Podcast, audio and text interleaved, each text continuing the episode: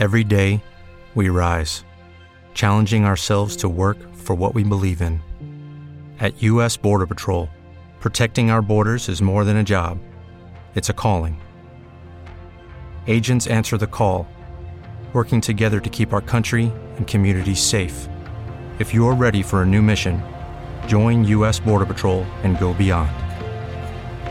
Learn more at cbp.gov/careers. Gonzalo, todo comenzou cun exame, cun examen de xenética. Boas tardes. Hola, buenas tardes, Manuel. Sí, empezó un poco como un examen para los estudiantes de mi asignatura de genética evolutiva de la Facultad de Biología, en donde explicamos consanguinidad y donde pues en un determinado momento pues eh, se puso un problema en donde se trataba de a partir de la genealogía de estos reyes calcular el coeficiente de consanguinidad de alguno de estos personajes.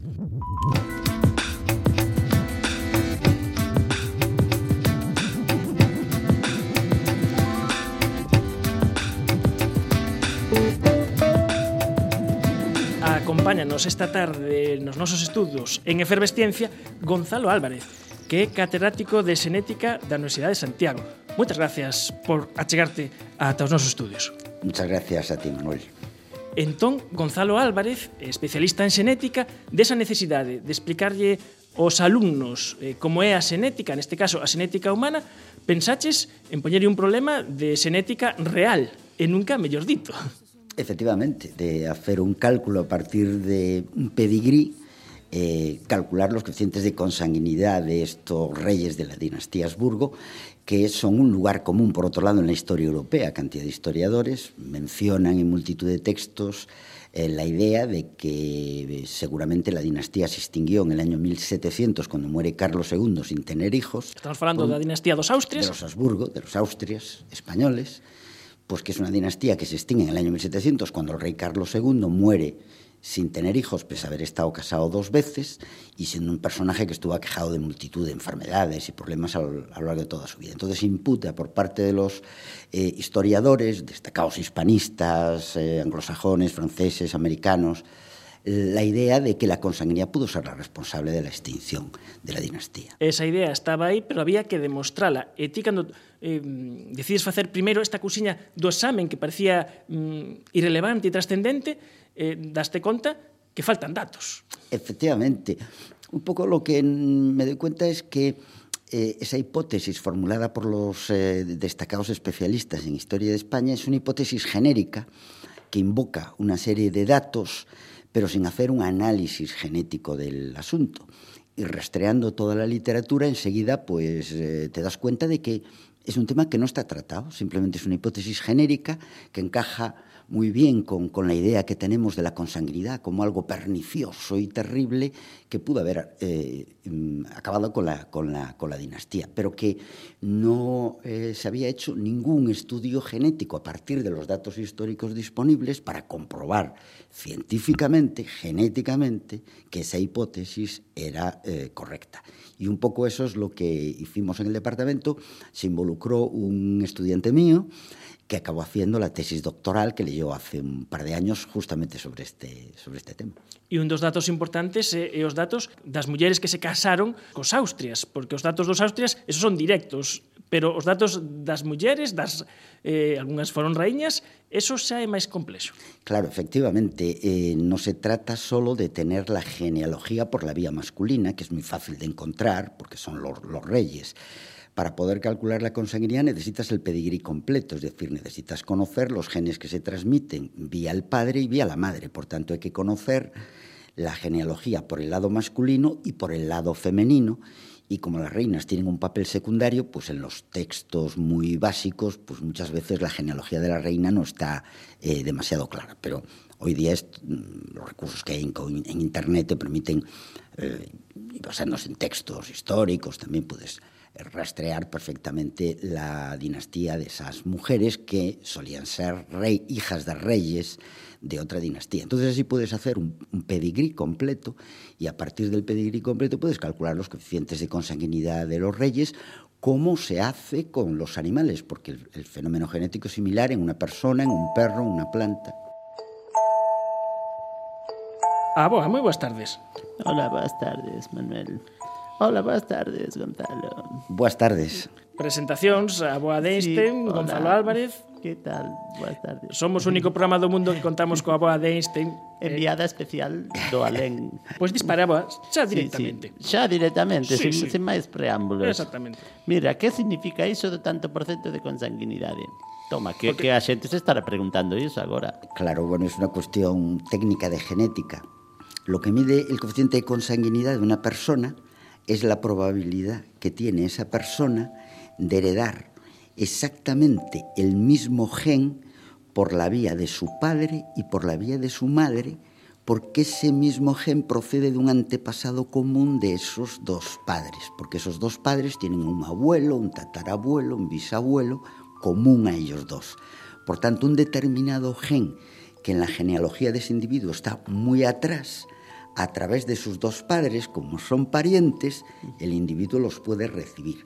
Y eso lo que hace en términos genéticos es que ese individuo puede ser más homocigoto. Tiene una mayor probabilidad de llevar en los dos cromosomas, los seres humanos somos diploides, como muchas especies, en los dos cromosomas llevar el mismo, la misma variante de, del gen, en relación a un matrimonio, al hijo de un matrimonio entre personas que no están emparentadas. Eso lo que hace en términos genéticos es que las personas que son hijas de matrimonios consanguíneos tienen una mayor probabilidad de padecer trastornos genéticos recesivos. De feito, o sea, cando ti dis que hai un 6% de consanguinidade, que quere dicir, un 6% do xenoma está eh, duplicado. Exactamente. En, el hijo, en los hijos de primos hermanos. El coeficiente de consanguinidad de los hijos hermanos es un 6-25%. Ajá.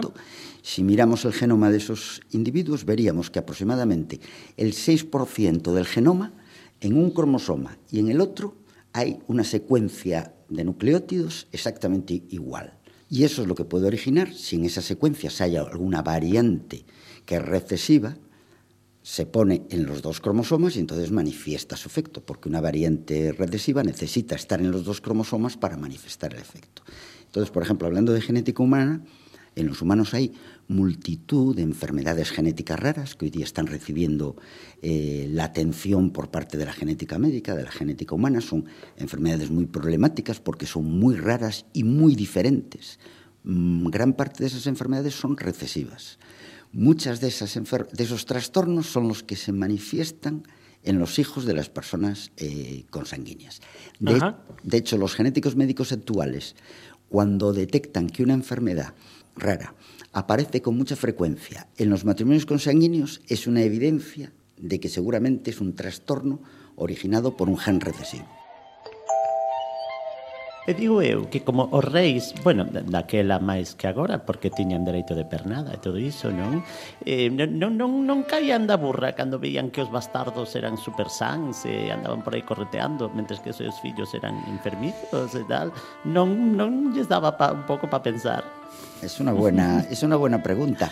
Claro. Aquellos reyes que tenían hijos bastardos, que no es el caso de todos los reyes de los Habsburgo, de los Austrias españoles, aunque sí hay uno de esos reyes que tiene un récord de hijos bastardos, que es Felipe IV. Felipe IV tuvo multitud de hijos bastardos, y uno de sus hijos bastardos que tuvo con la actriz de teatro La Calderona fue don Juan José de Austria, que era una persona muy eh, inteligente, muy, eh, muy guapo, eh, que participó en política y si no hubiera muerto tempranamente, pues podría haber ocupado mm, un papel relevante en la política de la época.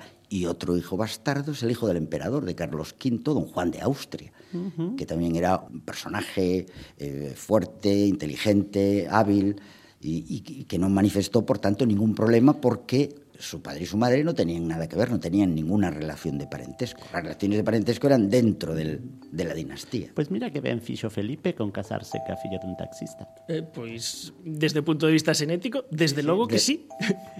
e, e dicía eu, esta realidade dos Austrias eh, de, de fillos que son eh, máis enfermizos, o caso extremo de Carlos II, isto quedou un rexistro, ti vos vistes un rexistro na arte de todo isto. Efectivamente. É unha historia moi bonita. Sí, efectivamente, porque cuando nosotros estábamos viendo, mmm, analizando por primera vez estos detalles, primero calculamos los coeficientes de consanguinidad de los reyes y luego vimos si había alguna relación entre la mortalidad infantil, que era muy alta y todos los historiadores lo saben, la mortalidad infantil de los austrias era muy grande. La cuestión es, ¿había una relación entre la mortalidad infantil y el coeficiente de consanguinidad de los niños? Números. Y ahí fue donde nosotros encontramos la prueba fehaciente. Hay una correlación estadística altísima entre el coeficiente de consanguinidad y la mortalidad infantil. Los infantitos más consanguíneos tenían una mayor mortalidad que los menos consanguíneos. Y los, eh, los infantitos que no eran consanguíneos tenían supervivencias del 100%, prácticamente no tenían mortalidad, lo cual es lógico porque corresponde a los niños que probablemente estaban mejor cuidados en, en Europa.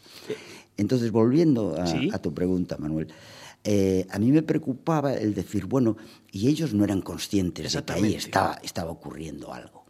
Y también por estas circunstancias de la vida, aquí en Santiago de Compostela, viendo una magnífica exposición del retrato en el Prado, el retrato español en el Prado, que se exhibió aquí en, en Santiago, eh, Ahí pude ver en una ocasión un cuadro de Santiago Morán, pintor de la corte de Felipe III, de una infantita, la infanta Margarita Francisca, y la niña aparece retratada a los dos o tres años de edad y eh, presenta toda una serie de dijes y amuletos de colgantes que eh, los historiadores del arte saben perfectamente que eran una serie de, de joyas que se colocaban a los niños para protegerlos de los malos de espíritus, el mal de ojo, enfermedades del oído, etcétera, etcétera. Entonces, pues esta infantita eh, aparecía con una campanilla, una garra de tejón, una esfera y muchos de esos materiales eran de azabache Acibache. Ajá. que era un material que se había puesto de moda en la época con motivo del Camino de Santiago. Se suponía que era un mineral que tenía propiedades mágicas y te protegía contra los infortunios. Y después, con este tema de la pintura, en el Kunsthistorisches Museo de Viena hay un cuadro de Velázquez de Felipe Prosper, el hermano mayor de Carlos II, en donde el niño también, un niño de aspecto enfermizo, es retratado con un conjunto de dijes muy similares, garra de tejón, sonajero, campanilla, al del otro retrato que mencioné.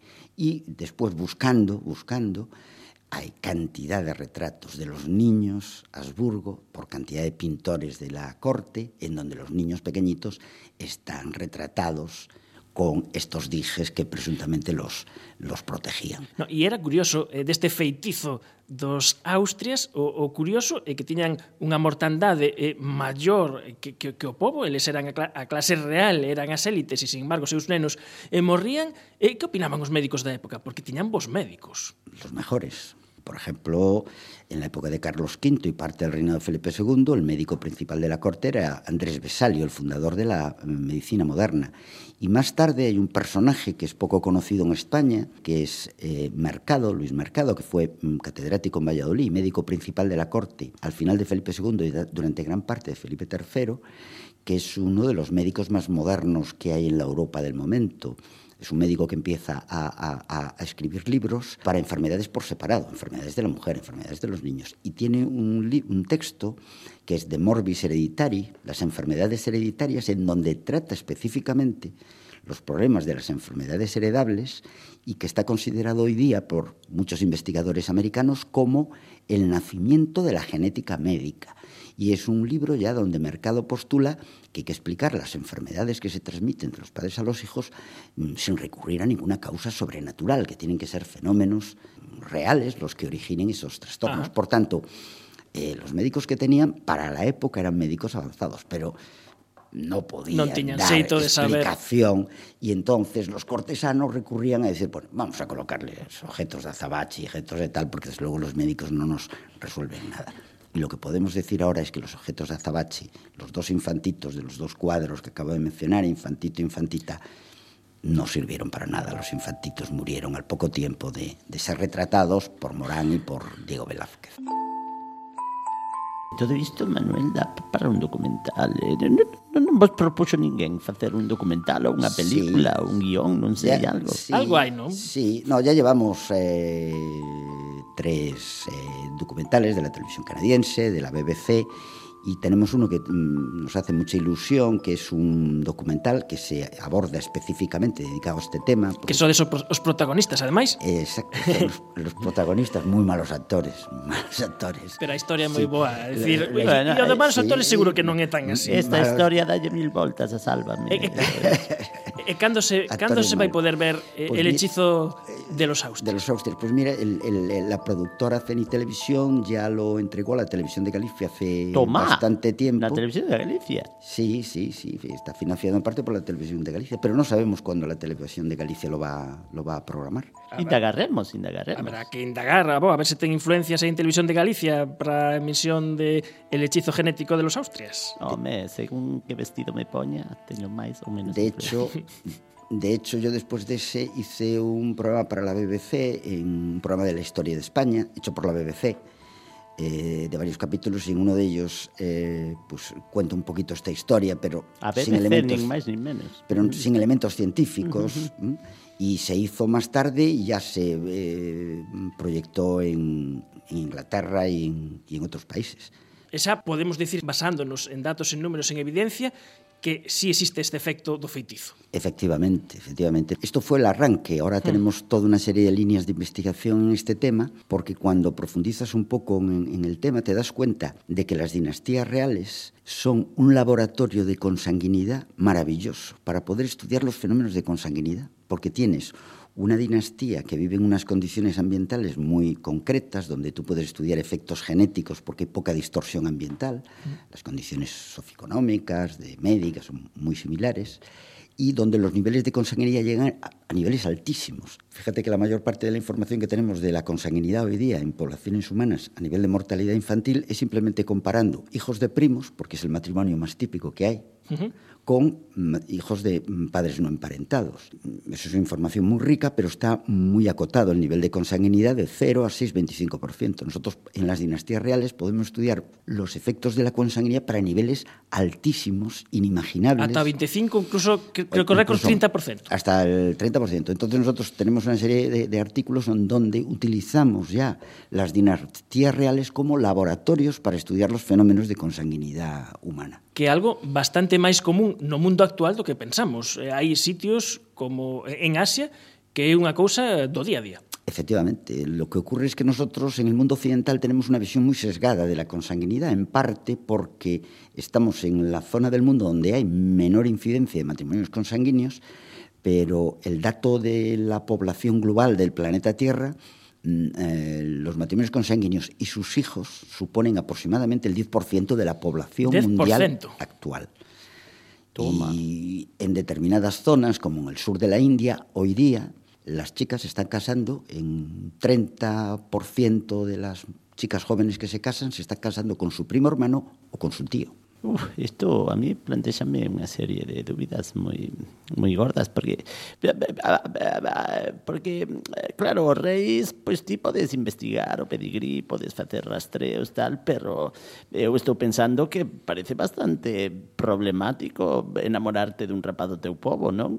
Non lle vas a andar pedindo, mira, tesme que traer pasado mañán todo o teu pedigrí. Efectivamente. É mellor enamorarse do rapaz de de, de outro povo. Do povo do lado. do povo do lado ou, ou máis aló. Efectivamente. Genéticamente falando, claro. Genéticamente falando. Y hoy con los medios de comunicación que hay no hay tanto problema, pero imagínate en España, y eso está estudiado, hace 30, 40 años, mm, pueblos, pequeños pueblos aislados, zonas de montaña, ahí se encuentra una cantidad muy grande de matrimonios de primos segundos, que es lo que se llama la consanguinidad consentida, que es que un chico y una chica se encuentran, se enamoran y se dan cuenta de que son primos segundos. y, y bueno, como no tienen otras muchas opciones, pues, pu- pues siguen por ahí. Sin embargo, en la misma época, en las grandes ciudades, la proporción de matrimonios de primos segundos es mucho más pequeña. Pero claro, todo esto está disminuyendo en el momento actual porque hoy día tienes un coche y vas el viernes por la noche a la discoteca del pueblo de al lado, de un pueblo a 50 kilómetros.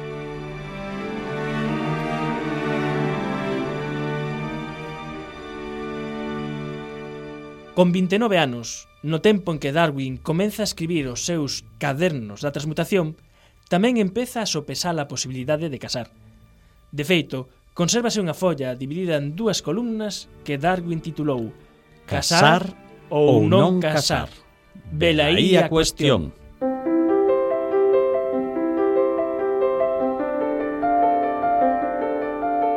Razóns para non casar. Liberdade para ir a onde un queira. Conversacións de homes intelixentes nos clubes, non obriga de visitar parentes e discusión de nimiedades, pérdida de tempo, non poder ler polas tardes, gordura e ociosidade, ansiedade e responsabilidade, menos cartos para libros, e se os fillos son moitos, a obriga de gañar o pan.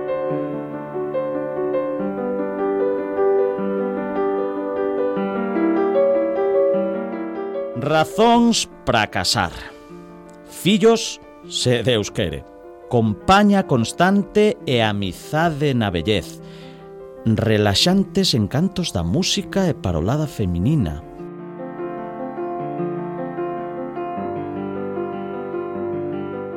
Alguén que sentirá interese nun e que cuidará da casa. Persoa a ser amada e con quen xogar mellor que un can de calquera xeito. Conclusión, casar, casar, casar. Quod erat demostrandum. Aquí tiñamos o señor Mr. Darwin casi inventando os DAFO, neste caso sobre casar ou non casar.